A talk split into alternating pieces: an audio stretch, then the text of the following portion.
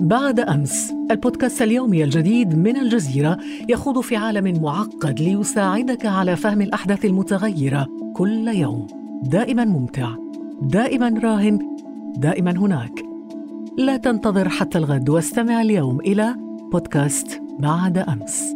معي أنا خديجة بن جنة.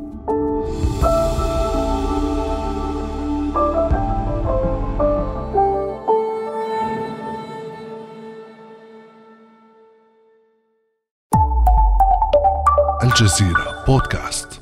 ارتكزت هذه الحلقة إلى البحث في المراجع والمصادر الموثوق بها وكتبت بضمير المتكلم لمقتضيات العمل الدرامي.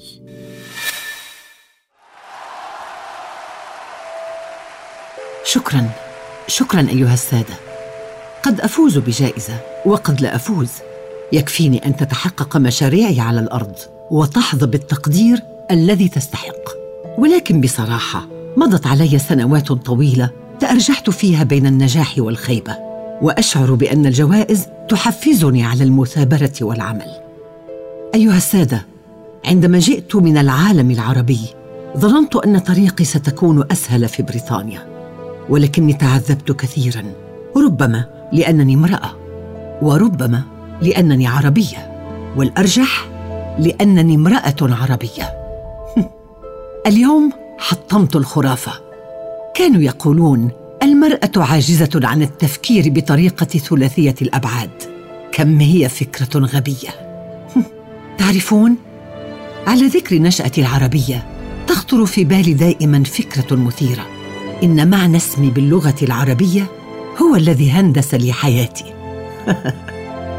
أنا زها وعائلة حديد. زها الحديد. وكأن العمارة الحديثة هي قدري حيث الحديد يزهو يتعملق شامخا ثم ينحني تواضعا. أنا التي يسمونني ملكة المنحنيات والمشاريع. أنا المرأة المكافحة في مهنة ارتبطت بالرجال. أنشر عمارتي البيضاء في كل مكان. لا أرتاح إلا في الثياب السود والرسم على الورق الأسود. نعم أنا معمارية التفكيك. فاسمعوا قصة نجاحي. من محطة الإطفاء في ألمانيا إلى التصاميم التي صنعت شهرتي على مدى عقود وصولا إلى ملعب الوكرة. استاد الجنوب الذي سيحتضن مباريات كأس العالم لكرة القدم عام 2022 في قطر. سيكون مثيرا أن تحتضن المونديال أرض عربية. لن يكون مقدر لي أن أشهد لحظة افتتاحه. لكني سأظل حاضرة ما دام ملعب الوكرة حاضرا. وعلى مرمى حجر من الدوحة كم أحلم بك يا بغداد يا مرتع الطفولة. لأرسمك بخيالي وأصابعي فتعودي كما رأيتك يوم كنت طفلة وأجمل.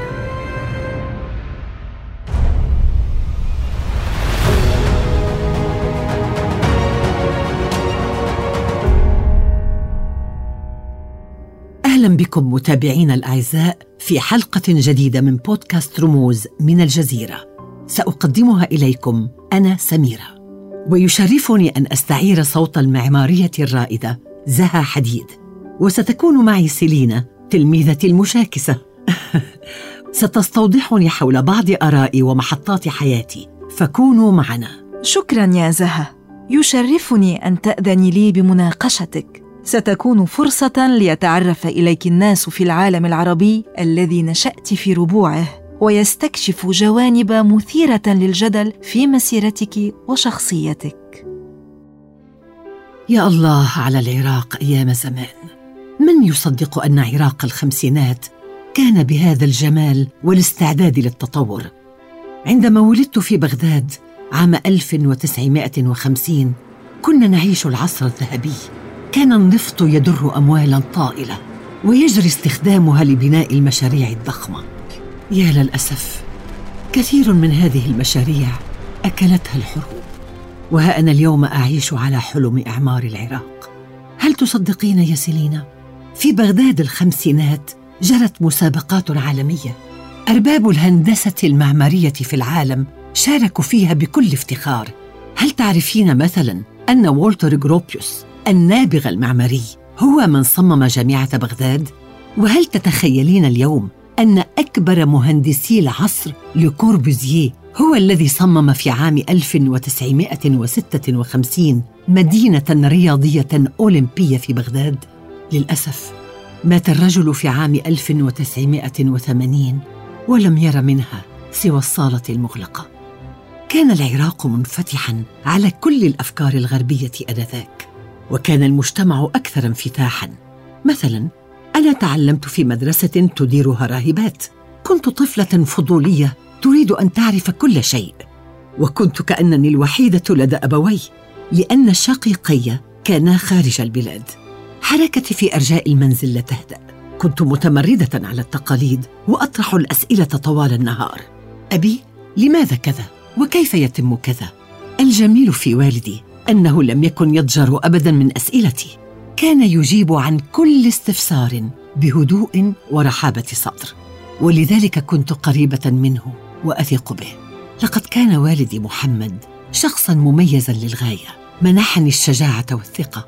كان متحررا لكنه يصبح محافظا في بعض الأحيان. لقد كان صناعيا ناجحا. وعلى رغم أننا كنا ميسورين فالمال لم يكن أهم ما في حياته.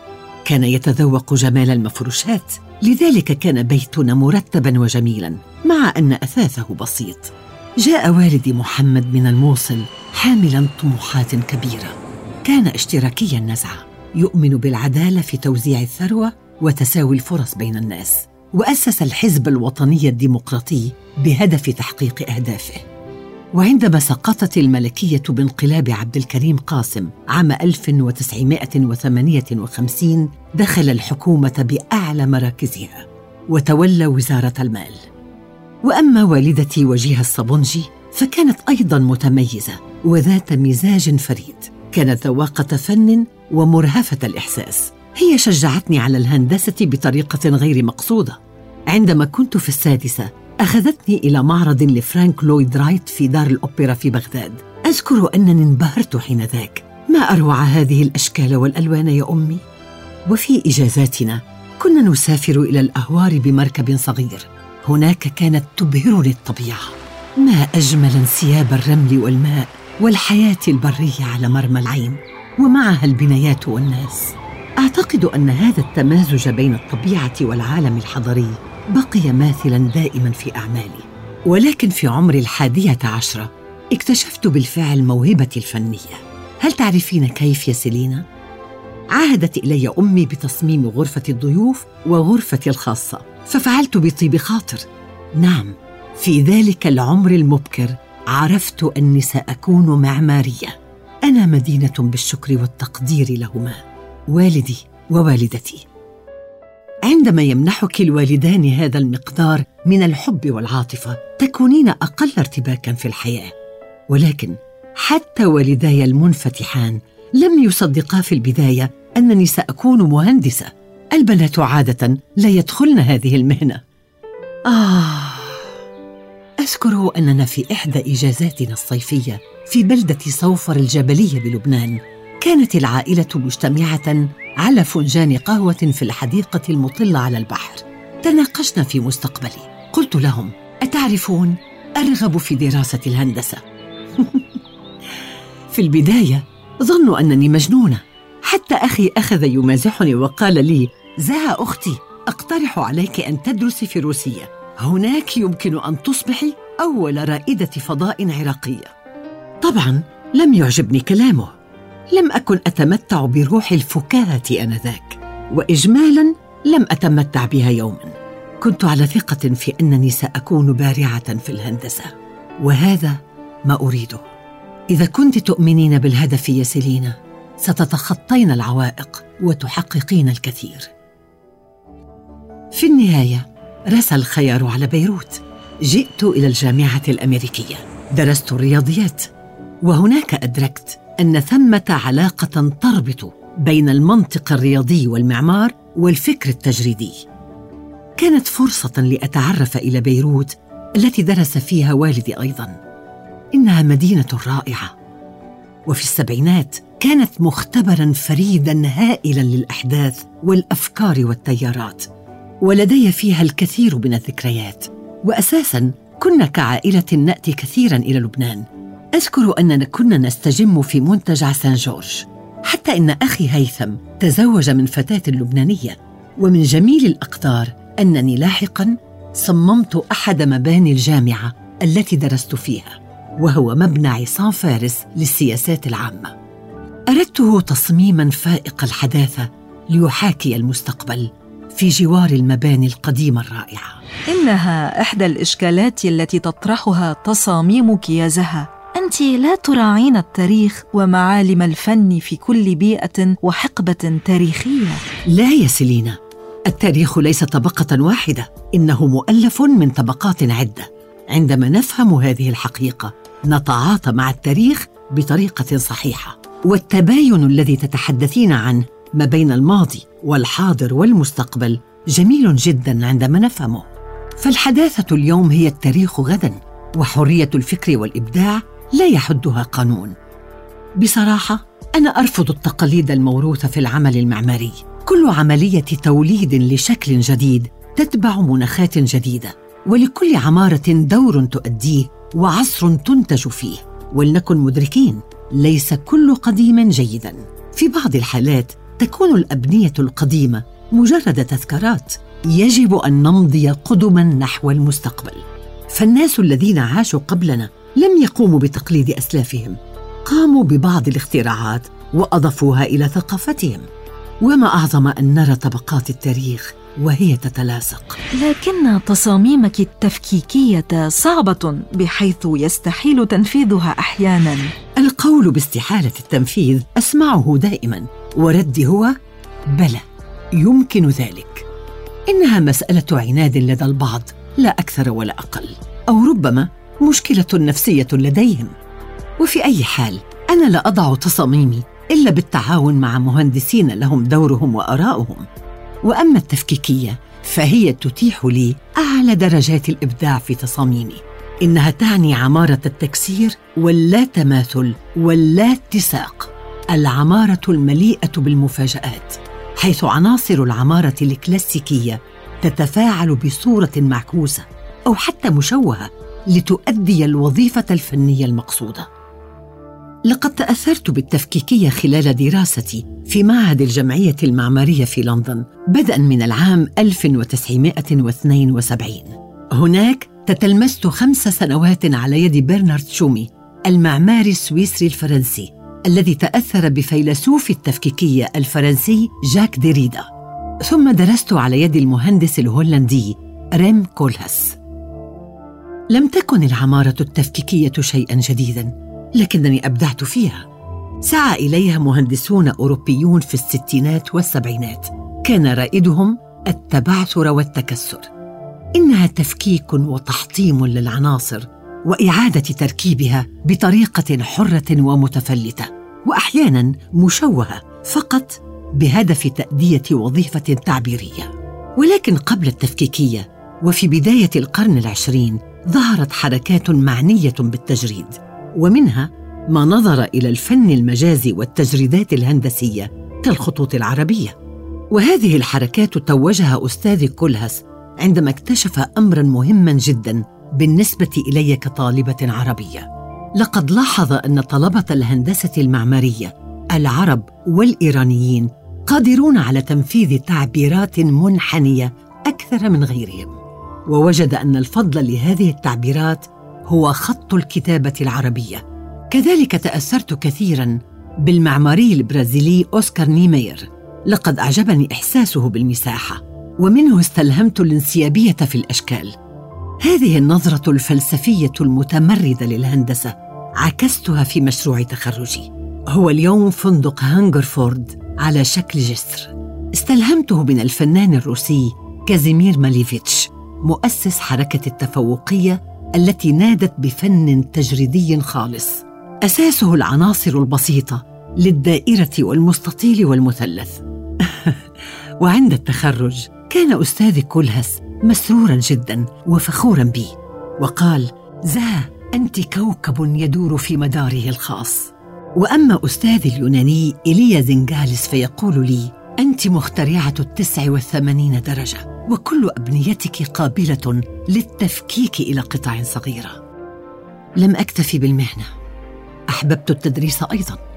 بعد حصولي على الدبلوم في العام 1977 درست في الجامعة التي تعلمت فيها وفي جامعات كولومبيا وهارفارد وييل وكلية الفنون التطبيقية في فيينا. أما مسيرتي المهنية فكانت تتقدم سريعا. تصوروا الفتاة العراقية الحالمة بدأت تفرض نفسها في أهم العواصم الأوروبية. لم أكن قد بلغت الثلاثين عندما أسست شركتي للهندسة في لندن في العام 1979 بدأت أعمالي تتوسع والعروض تتوالى لكن العرض الأهم جاءنا من ألمانيا. طلبت مني شركه فيترا تصميم محطة للإطفاء فكانت سببا في إطلاق شهرتي عام 1993 كان التصميم عبارة عن مجموعة ممرات متداخلة ومتشابكة وخطوط انسيابية. الأشكال ذابت في محيطها ليصبح المشهد كلا لا يتجزأ. اختفت الكتلة المعمارية تماما. شكل هذا التصميم مفاجأة للجميع. سلط الضوء على اسمي وانفتحت أمامي أبواب الشهرة على مداها ثم صممت دار كاردف للأوبرا في ويلز بريطانيا. لكن الجهة المعنية حجبت التمويل عن المشروع وقالوا إن بعض السياسيين في كاردف لا يعتبرون التصميم موافقا لطبيعة ويلز المحافظة ثقافيا ومعماريا. هذا الموقف سبب لي الكآبة. ووقعت الشركة في الركود خلال التسعينات. وهنا لا أنسى الدعم المعنوي الذي قدمه لي شريكي باتريك شوماخر. لقد بقي متفائلا وحفزني على المثابرة وتجاوزنا المحنة. بعد ذلك صممت مركز روزنتال للفن المعاصر في أوهايو. كان تفكيكيا بامتياز. ومن مشاريعي المحببة أيضا محطة قطار ستراسبورغ التي صممتها لتحاكي حركة السيارات والقطارات والدراجات والمارة معا. وأما مجمع لندن للسباحة فوصفه النقاد بالتحفة الفنية. جعلت تصميمه منحنيا يشبه الأمواج. كان مخصصا للألعاب الأولمبية. وسوى ذلك هناك عشرات من التصاميم التي نشرتها في كل أنحاء العالم. مركز BMW في ألمانيا الذي نلت عليه جائزة ريبا الأوروبية. ومجمع كرة القدم في طوكيو ومركز العلوم التفاعلي في ألمانيا وجسر أبو ظبي الذي استوحيته من كثبان الرمل في الصحراء. ومحطة المترو في النرويج ومركز حيدر علياف الثقافي في باكو عاصمة أذربيجان. إنها مسيرة حافلة. عندما بدأت عملي في الهندسة لم أكن أحلم يوما بالحصول على جائزة بريتسكر الموازية لنوبل والتي كنت أول امرأة أحصل عليها في العام 2004 ولا حتى على جائزة ستيرلينغ من المعهد الملكي للمعماريين البريطانيين في العامين 2010 و2011 ولم يكن هاجس الحصول على لقب Dame من الملكة إليزابيث الثانية والذي أفتخر بحصولي عليه في العام 2012 لأنه لقب يمنحه العرش البريطاني بسبب خدمات أداها البعض ولا على الميدالية الملكية الذهبية. هذا المقدار من التكريم لم تحظى به امرأة في مجال الهندسة من قبل.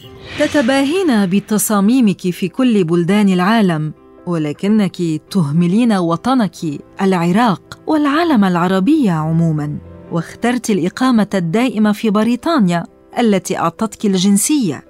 أليس هذا انكارا حتى لنضال والدك الذي كان يحلم بالعراق الجديد؟ أحببت دائما أن أتقدم بمشاريع في المنطقة العربية لأنني أعرف المكان جيدا ولكنني لم أنفذ الكثير هناك لأن الظروف لم تسمح. بصراحة من الصعب أحيانا على المرأة أن تبني علاقات في العالم العربي. ولكن أخيرا جاء تصميمي لملعب الوكرة في قطر.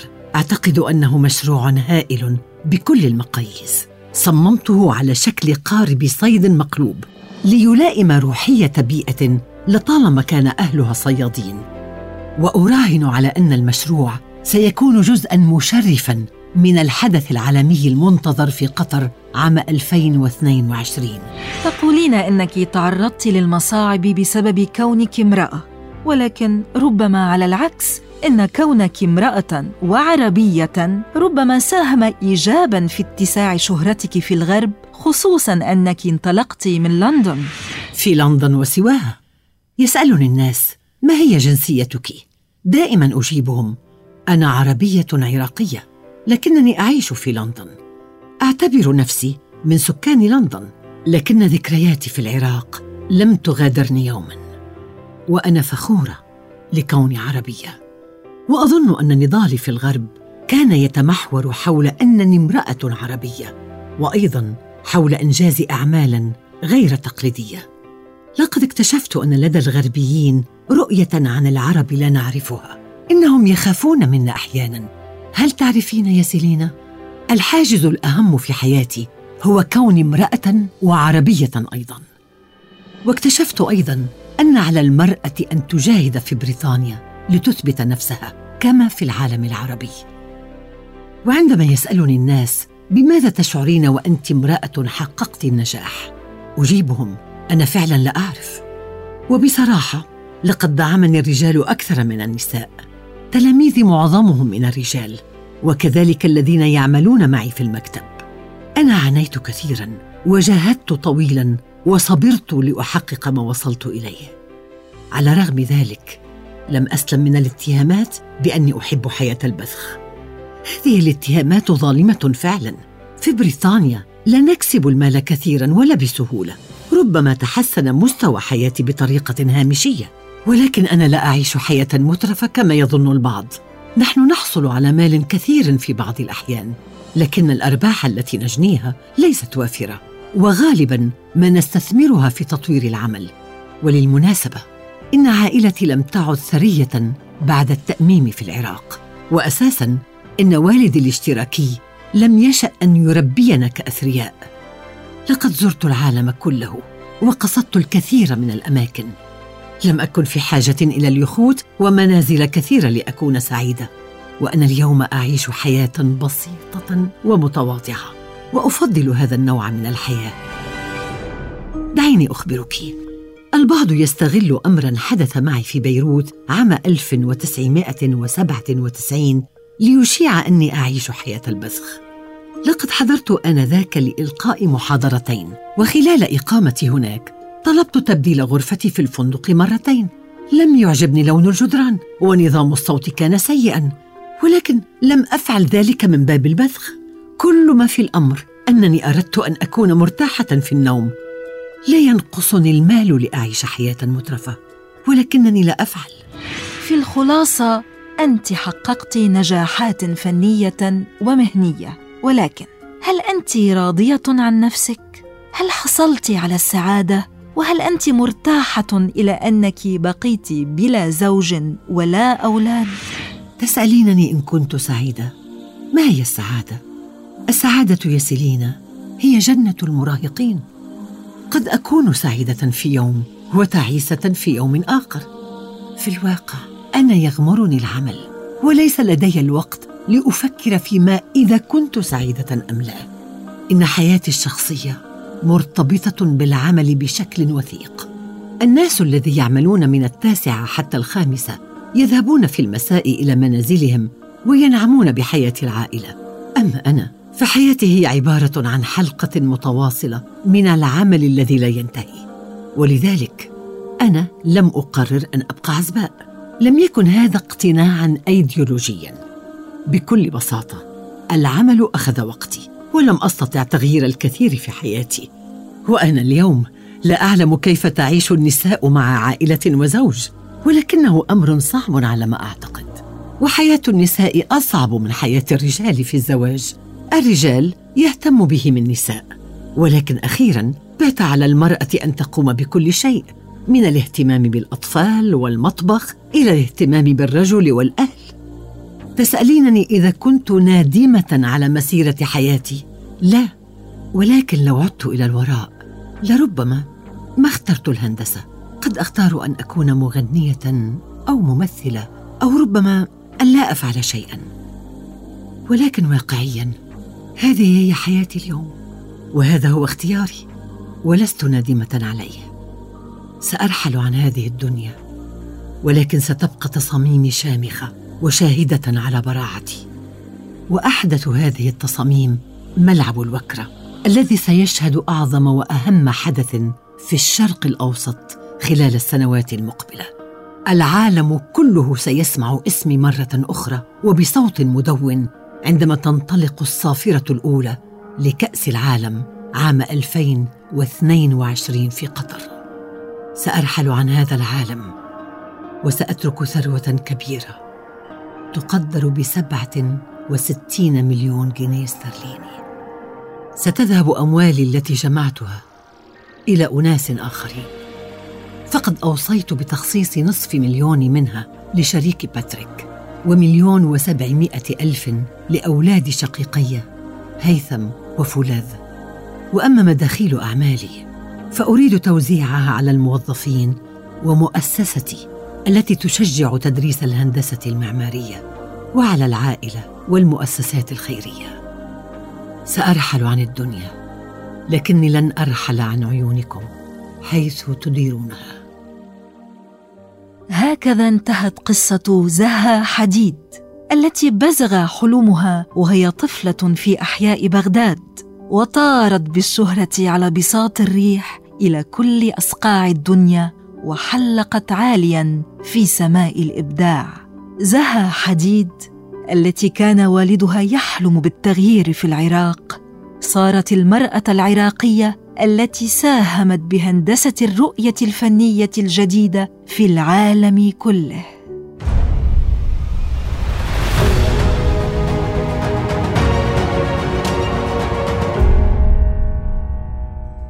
في الحلقة المقبلة من بودكاست رموز سنتناول سيرة رمز آخر رحل وترك أثره في حياتنا. لا تفوتوا حلقتنا التالية يوم الأحد المقبل. ويمكنكم الاستماع إلينا عبر Google Podcast أو Apple Podcast أو SoundCloud. فقط ابحثوا عن الجزيرة بودكاست. كما لا تنسوا مشاركة هذه الحلقة وزيارة موقعنا على الإنترنت podcast.aljazeera.net كانت معكم سميرة. وسيلينا من بودكاست رموز من الجزيرة. إلى, إلى اللقاء, اللقاء.